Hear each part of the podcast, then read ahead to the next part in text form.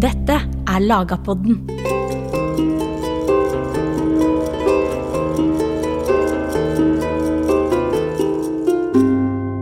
Magnus Lagerbøter så landslova som ei videreføring av St. Olavs lov.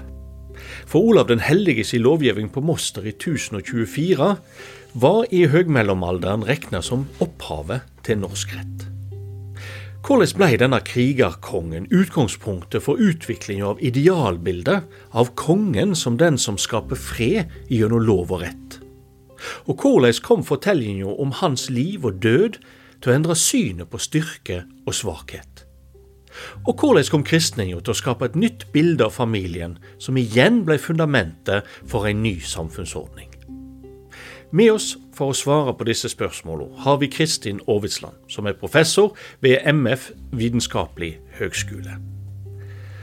Du lytter til Lagerpodden, en podkast av Nasjonalbiblioteket. Og mitt navn er Jørn Øyrehagen Sunde.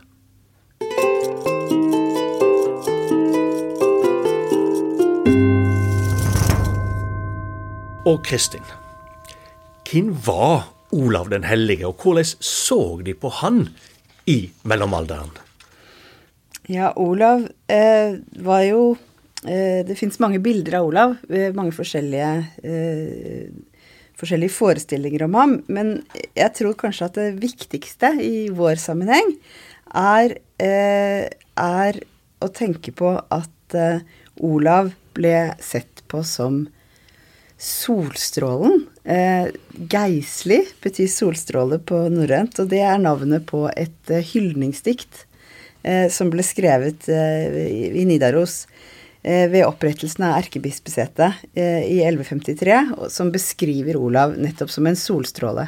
Som, kommer, som kaster lys over landet, Norge, som han vinner seg.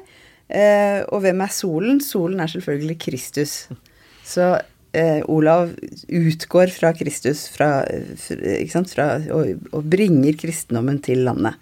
Eh, og i den eh, første norgeshistorien, som ble skrevet omtrent samtidig, eh, også ved erkebispeksetet i Nidaros, eh, så blir eh, Olav også fremstilt som Også som dette med sollyset, varmen, troens Han representerer troens varme som, eh, som tiner eh, vantroen eller hedendommens isbre. Glacier infidelitas, som det heter på latin. For denne norgeshistorien ble skrevet på latin. Så jeg tror det er riktig å si at bildet av Olav som, ja, som solen som tiner, tiner landet og får det til å blomstre og være fruktbart, og menneskene der til å trives, det var høymiddelalderens eh, viktigste bilde av St. Olav.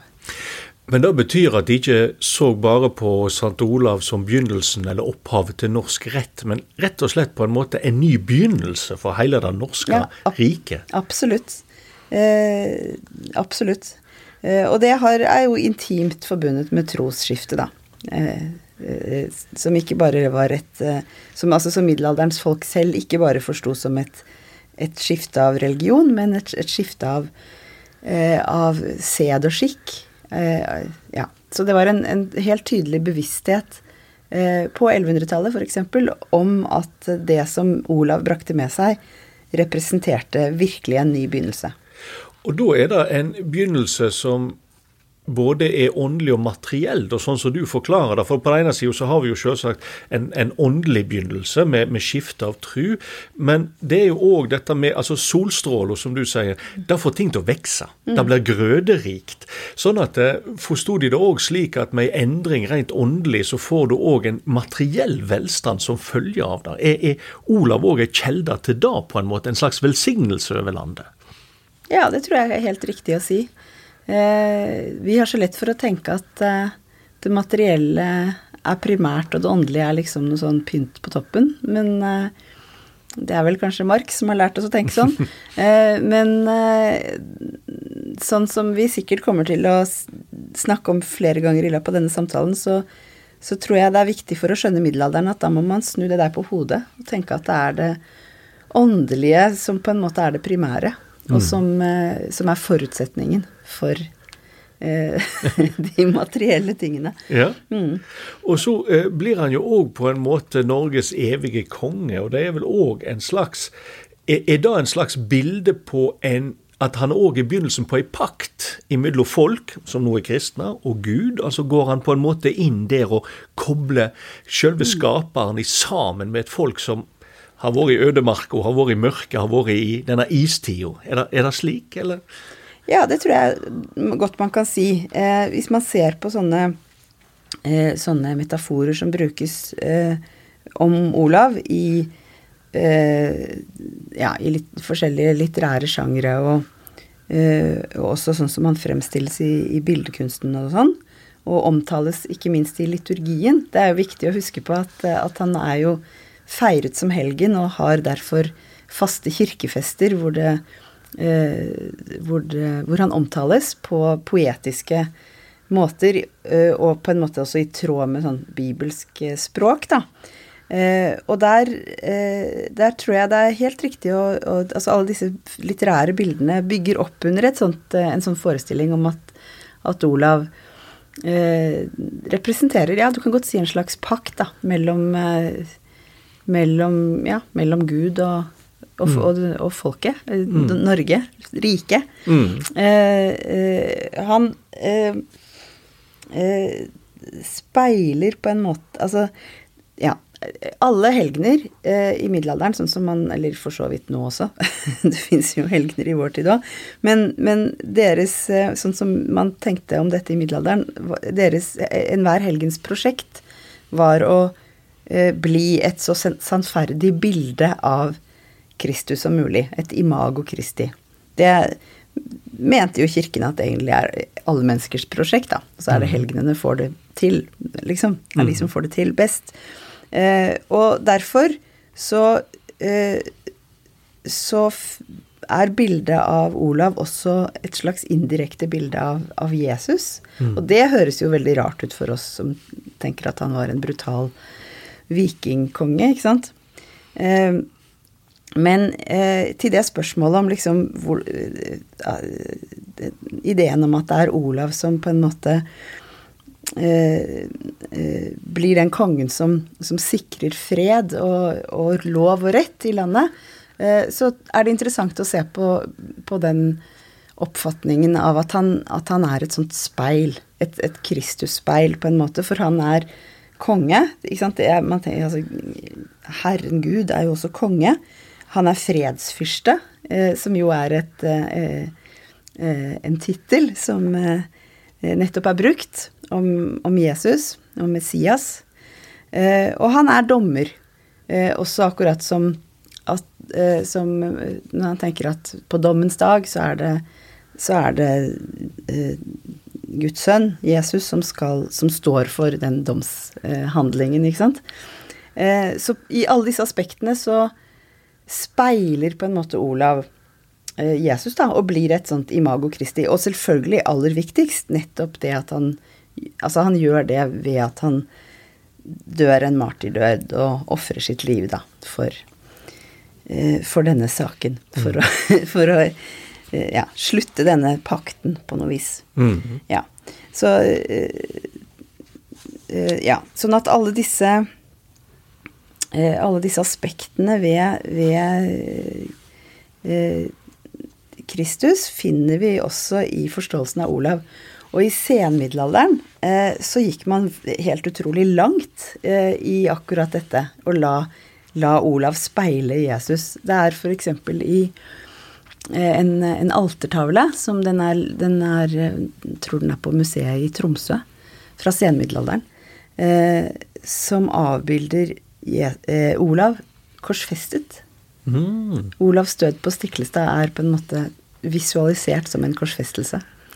Som det jo selvfølgelig, den selvfølgelig ikke var, men det sier noe om i hvilken grad denne identifikasjonen mellom Olav og Jesus er eh, levende da, i denne kulturen. Mm.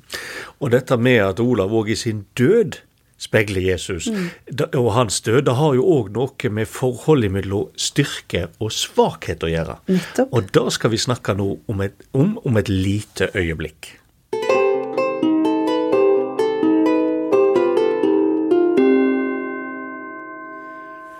Dette med at Olav sin død òg speiler Jesus sin død, og at du til og med finner han framstilt som korsfesta slik Jesus ble korsfesta, det er jo òg med på å forandre forestilling om hva det er å være sterk, og hva det er å være svak. Vikingkongene de henter jo mye av sin legitimitet gjennom sin styrke. Men Olav han blir drept, men blir etter sin død allikevel regna som den evige konge. Altså, hva er det som ligger i dette? Ja, Det er jo et paradoks, selvfølgelig. Han taper jo slaget på Stiklestad. Eh, eh, så det er jo et stort nederlag. Men nederlaget blir da vendt til seier, ikke sant. Så det er jo eh, Ja, det er jo bare helt tydelig Altså en sånn forståelse er jo en, tydeligere enn noe annet. Kanskje akkurat den her speilingen mellom, mellom Olav og, og Jesus, da, som blir eh, nedrig korsfestet, eh, lider en slaves død, eh, eh, men hevder at han er konge. Eh, og så viser det seg at, det er, at denne, denne døden også er helt nødvendig for det, det, dette frelsesverket som, som var hele poenget med hans liv. Ikke sant? Eh, og, og det er sånn man forstår, eh, forstår Olav òg. At hans politiske nederlag eh, eh, blir eh, ven, vendes til en, en eh, langsiktig seier, kan man kanskje si. Eh, hvor eh, eh, hvor man også da forstår det eh, igjen med referanse til, til, eh, til å tolke hans liv som et speil av Jesu liv, så er det eh, Ja, så var, var denne, denne døden på, på Stiklestad var egentlig hele poenget med Olavs liv. Det var dit han skulle. Og da det, har jeg et, et viktig spørsmål. fordi eh, vi kan jo ikke være helt sikre på at det vi kjenner som Olavs tekst og Olavs sin kristenrett fra Moster i 1024, virkelig er hans, men det er iallfall et produkt av tusentallet og tilskrevet han. Og En av reglene vi finner der, er jo forbudet mot å bære ut barn som en ikke ønsker, og bare la de dø. Og det som skjer der, er jo nettopp at du gjør de aller, aller svakeste. Sant? Det nyfødte barnet, det får en rettighet til liv. Ja. Og det ligger her òg et, et verdiskifte med at den sterkeste dør og, for, og blir sterk, og da at du skal kunne ha, eller ha plikt til å ta vare på de svakeste. Det er jo enormt radikalt, selvfølgelig. Eh, og det, kom, altså det kommer med kristningen i, i Norge, akkurat som det kom eh, Denne typen regler også ble innført og praktisert eh, i Romerriket med kristningen da flere hundre år tidligere. Eh, eh, fordi eh, den der tanken om at man skal på en måte drasse på individer som, eh, som trenger masse omsorg for, eh, og oppfølging for i det hele tatt å være funksjonelle i, Ja. i, den, i samfunnet. Det er en eh, Det kan man kanskje si. altså I utgangspunktet er det kanskje en absurd idé. Hvorfor skal man gjøre det? Eh, vi tenker vel Vi har vel en slags innarbeidet en slags ryggmargsrefleks om at det er klart man skal det. Men det er ingen selvfølge. Sånn eh, kulturelt sett, hvis man ser eh, Det er ikke, det er ikke det har, Historien viser at det har ikke vært en universell eh, eh, eh, verdi eh, i alle tider og til alle samfunn. Eh, eh, ja, så det er jo radikalt, ja. Og det, hva skal man si, hvor kommer det fra? Det kommer jo det. Det står mye om, om dette i evangeliene. Hvordan man skal eh, forholde seg til de svakeste. Ja. Men det betyr jo òg på en måte at eh, alle blir Altså det, det, det er jo en lang vei fram, og da å skape individet og historien til individet er jo nesten er jo grein av historie, slik tidshistorie er jo grein av historie. Men, men det er jo veien til at et barn får rettigheter, kvinner får rettigheter. For alle disse hadde jo henta rettighetene sine bare gjennom sine mannlige slektninger, enten far eller ektemann. Men, men, men, men straks eh, alle har rettigheter, og den svakeste, så begynner du å få et samfunn der alle skal ha en plass og et minimum av rettigheter. Ja.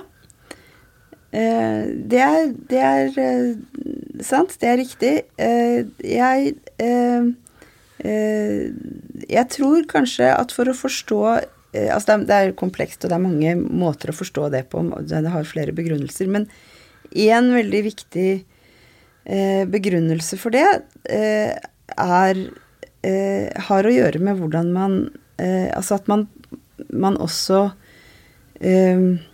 betrakter eh, andre folk enn dem man er direkte i slekt med, eh, som, eh, som folk man har forpliktelser overfor.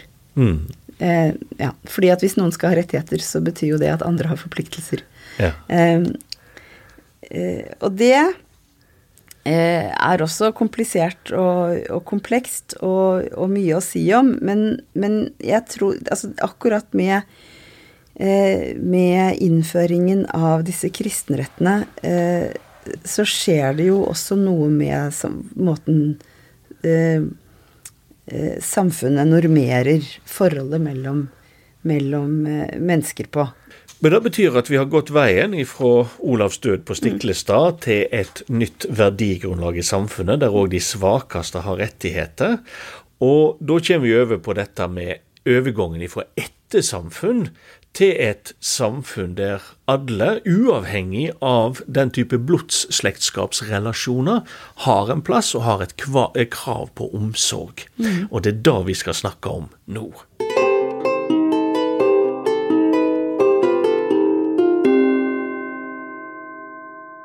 På mange måter så er jo en forutsetning av det vi kan kalle det moderne samfunnet, og med det mener jeg rett og slett et samfunn som er lett gjenkjennelig for oss, en, en forutsetning for det er jo at vi føler at vi er medmennesker. Altså at de vi omgås med i samfunnet, har noe til felles med oss i kraft av å være menneske alene. Mm. Vi trenger ikke være vår slektning. Og, og, denne ideen, den er ikke naturlig. Den må vokse fram. Kan du snakke litt om den? ja. Um da må jeg det, det, er sikkert mange som ville peke på forskjellige må, uh, forutsetninger for en sånn idé. Uh, men fra mitt faglige ståsted så tenker jeg at et, en, et, sted man kan begynne, som, som, jeg tror er helt avgjørende viktig, er, er, i forståelsen av hva, hva, altså, hva er slektskap. Mm. Ja. Vi er vant til å tenke på at slektskap er eh, biologisk. Eh, eh, og eh, det som også er eh, Det som er veldig interessant med dette Hele dette tankesettet da, som eh, kristendommen representerer, og som kommer med, med Olav og Eller, ja den tiden å vokse frem og dan, bli grunnlaget for, for, eh, den statsdannelsen som etter hvert finner sted i, i eh, Norge, eh, er at man ser på slektskap ikke primært biologisk, men teologisk. Mm. Og det er, en, det er en forutsetning egentlig for, eh, for at kristendommen på en måte kan Kristendommen bygger jo på den jødiske eh, jødiske religionen, ikke sant, og den, mm. hele den jødiske arven, og forestillingen om jødene som Guds folk. Og er, de er folk fordi de er i slekt, ikke mm. sant? Eh, men hvis eh, For de kristne som ikke var i slekt med jødene, så måtte man på en måte tilpasse dette, eller omtolke dette på noe vis, ja. eh, for at eh, for at hele denne tradisjonen skulle være relevant. Ja. Eh, og det eh, gjør man fordi man eh, får en forståelse av at eh, slektskapet primært er et åndelig slektskap. Eh, sånn at det handler ikke om Altså, dere Det er sånne berømte tekster fra fra uh, Paulus brev i Det nye testamentet hvor det, liksom, hvor det, står at det er ikke mann eller kvinne eller jøde eller greker eller slave eller fri. Alle er, mm. eh, alle er uh, barn av den samme Gud. Ikke sant? Så bare det, at man tenker at, at, at Gud er en far, og at menneskene er hans barn, mm. det er jo en form for slektskap som erstatter på en måte det eh, Ja, det, dette biologiske slektskapet. Og forener eh, menneskene eh, i et, eh, en, en, sammenheng eller et fellesskap som overskrider ættesamfunnet. Eh, og det tenker jo vi kanskje i dag er Ja, det er ikke så mange som tenker sånn, kanskje. men bare den bevegelsen fra å forankre Eh, solidariteten med andre i dem du er i biologisk i slekt med, til å tenke at, eh, at det fins noe som er overskridende, som binder folk sammen, er jo en radikal bevegelse. Mm. Eh, og jeg kan si litt mer om det, fordi jeg syns det er ganske interessant. Eh, fordi at vi, vi, tenker jo ofte da eh, Altså eh, Gud blir omtalt som far. Fader vår som er i himmelen, ikke sant. Det tenker vi veldig lett at er en metafor. At Gud er en sånn stor og abstrakt størrelse som vi eh, beskriver med noe som vi kjenner, eh, nemlig en far. Mm. Eh, og dermed blir det liksom forståelig for oss. Eh, I høymiddelalderen eh, så tenkte man faktisk helt omvendt okay. om dette. For det er ikke eh, våre forestillinger om uh, slektskap, fedre og barn, eller ektefeller, eller altså forholdet mellom foreldre og barn og forholdet mellom ektefeller, som er primære.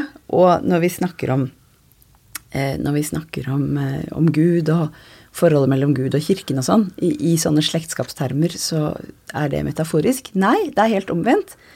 Det er, de, det, altså det, er, det er våre relasjoner som er metaforer for en mye dypere og mer grunnleggende sannhet. Ja.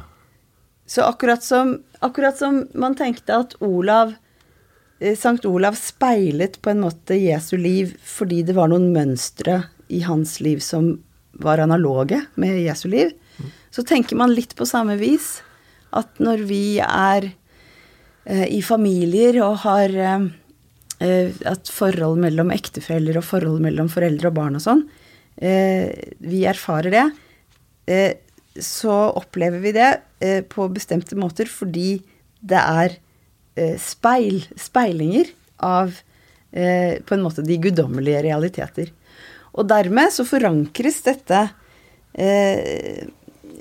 Dermed så forankrer på en måte, hva skal vi si, forholdet mellom menneskene et helt annet sted, utenfor menneskenes egen sfære, på noe vis.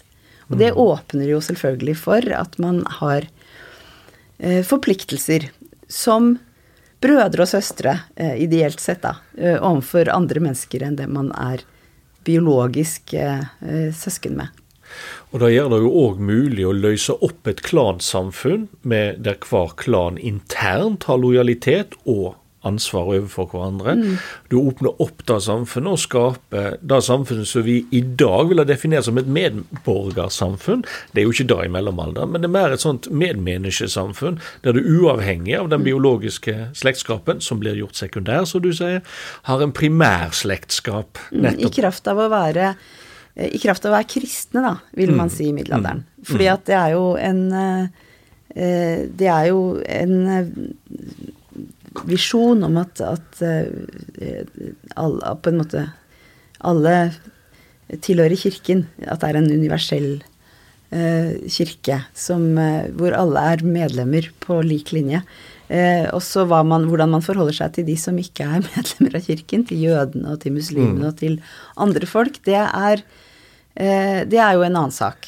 Um, Fordi dette minner jo litt om menneskerettighetstenking egentlig i dag. og mm. Det er litt sånn, En parallell en skal være litt forsiktig med, men poenget er jo at den har en universell dimensjon. Ja. Fordi eh, ved siden av å være lokal og en del av å, være kongens undersått, så er du jo en del av kristenheten. Ja. Og det er en mye større fellesskap. Ja, kristenheten er Jeg tror det kanskje til og med er riktig å si at for noen av middelalderens tenkere så er kristenheten er på en måte menneskeheten. Den kristne mm. verden er verden. Nettopp. Ja. Eh, og, og, også eh, de, disse, disse, metaforene om eh, eh, vantroens isbre som, som, liksom solstrålene skal smelte. eh, de, det er en, altså Kristenheten har en geografisk utstrekning. Det er Ja. ikke bare en, eh, en sånn abstrakt eh, tankesett som noen mennesker eh, slutter seg til. Eh, det er eh, helt konkret. Spres ut fra verdens midtpunkt, som er Jerusalem, ikke sant? hvor det hele foregikk. Ja, ja. Eh, eh, og som også på en måte var forstått som, som midt i verden. Midt mellom verdensdelen Europa, Afrika, Asia. Midt i, der er Jerusalem, og så sprer denne, disse solstrålene da, seg utover. Og langt om lenge så kommer de helt opp til oss i nord. Eh, og det, det er liksom nettopp fordi det er så langt borte fra mitt Vi er, så, vi er liksom i utkanten av verden. Det er en forklaring, forklaring som de norske historikerne i middelalderen gir på hvorfor det tok så lang tid før kristendommen kom hit. Mm, Ja. Nettopp. Og en, en ting er jo denne overgangen fra en samfunnsform til en annen, hva det har å si for eh, de ulike innbyggerne sine relasjoner til hverandre. Men det etablerer òg på mange måter relasjon til kongen. Eh, og da er vi jo tilbake igjen til, til Olav som den evige konge. fordi når ikke det er klanen som har ett overhode, som lager regler for sine egne, så får den nye store familien, den får kongen på en måte som eh, skal utøve Guds vilje, men på en måte står der oppe som en slags farsfigur Ja. for alle innbyggerne. Det er med å legitimere lovgivning, og dermed hele landsloven. Ja, det tror jeg er helt riktig å si. Ja. Eh, ja. Eh, at eh, Ja. At kongen blir liksom landsfader, da. Eh, og så er det Og det passer også veldig godt med at Altså at kirken, eh, eklesia Altså kirken blir jo omtalt eh, alltid som mor, Nettopp. ikke sant? Gud er vår far, kirken er vår mor, og så er Ja. kongen speiler Gud, og kirken er Kirken speiler egentlig Maria, jomfru Mm. Maria, men er da mor. Eh, og vi, når vi er mødre og fedre, så speiler vi disse realiteter, da, sånn som middelalderen ser det. Ja. Det er de, de, dette som er liksom de, de primære realitetene.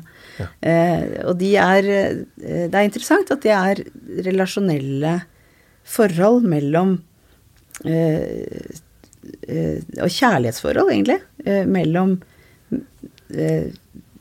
størrelser som, eh, som eh, eh, forholder seg til hverandre som foreldre og barn, eller ektefeller. Så det er jo derfor familien blir så enormt viktig som, mm. eh, som modell. Alt det vi har snakket om nå, er jo helt sånne normative ting. Det er sånn det er tenkt. Eh, tenkt juridisk, men også tenkt teologisk. Eller kanskje først tenkt teologisk, tenker jeg, og dermed eh, omformet til, til, til juss. Eh, eh, vil jeg tenke at det, er, Ja. at det er sånn det har skjedd. Mens eh, hva som var praksis, hvordan Ja. folk faktisk levde, det er liksom en annen sak, selvfølgelig. Og dette er jo òg et, eh, et bilde som det var stort behov for. Det vi kanskje ikke tenker på i dag, det er jo at selve begrepet suverenitet, som altså er den makten en, en mm.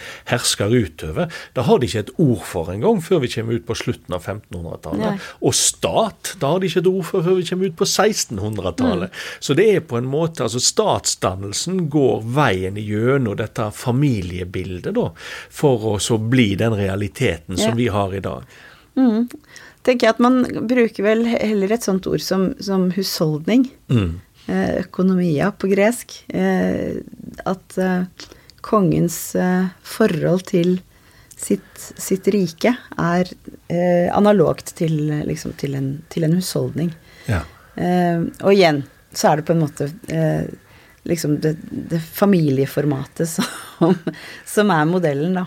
Eh, Ja. mm. Og så er det da denne skikkelsen Olav den hellige som blir på en måte det som binder nettopp den nye typen makt, den nye typen Mm. kongsmakt, med dette folket som tidligere har levd i denne isørkenen som nå blir Ja. tint opp.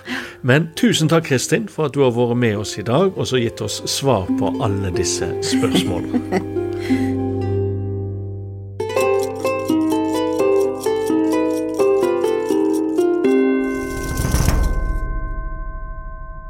Du har hørt en episode av Lagapodden. Musikken i denne podkasten er skrevet og produsert av Øyon Groven Myhren.